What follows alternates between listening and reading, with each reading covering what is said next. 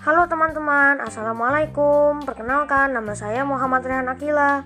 Saya dari kelas 6B Hari ini saya akan menceritakan suasana tahun baru di masa COVID-19 Suasana tahun baru di masa COVID-19 terasa sepi.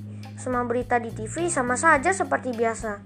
Tahun baru kali ini terasa tidak meriah karena ada COVID-19 semua orang tetap di rumah untuk memutus rantai penularan COVID-19, sehingga tidak ada pesta meriah.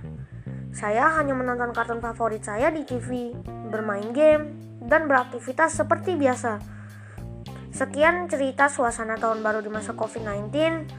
Wassalamualaikum warahmatullahi wabarakatuh.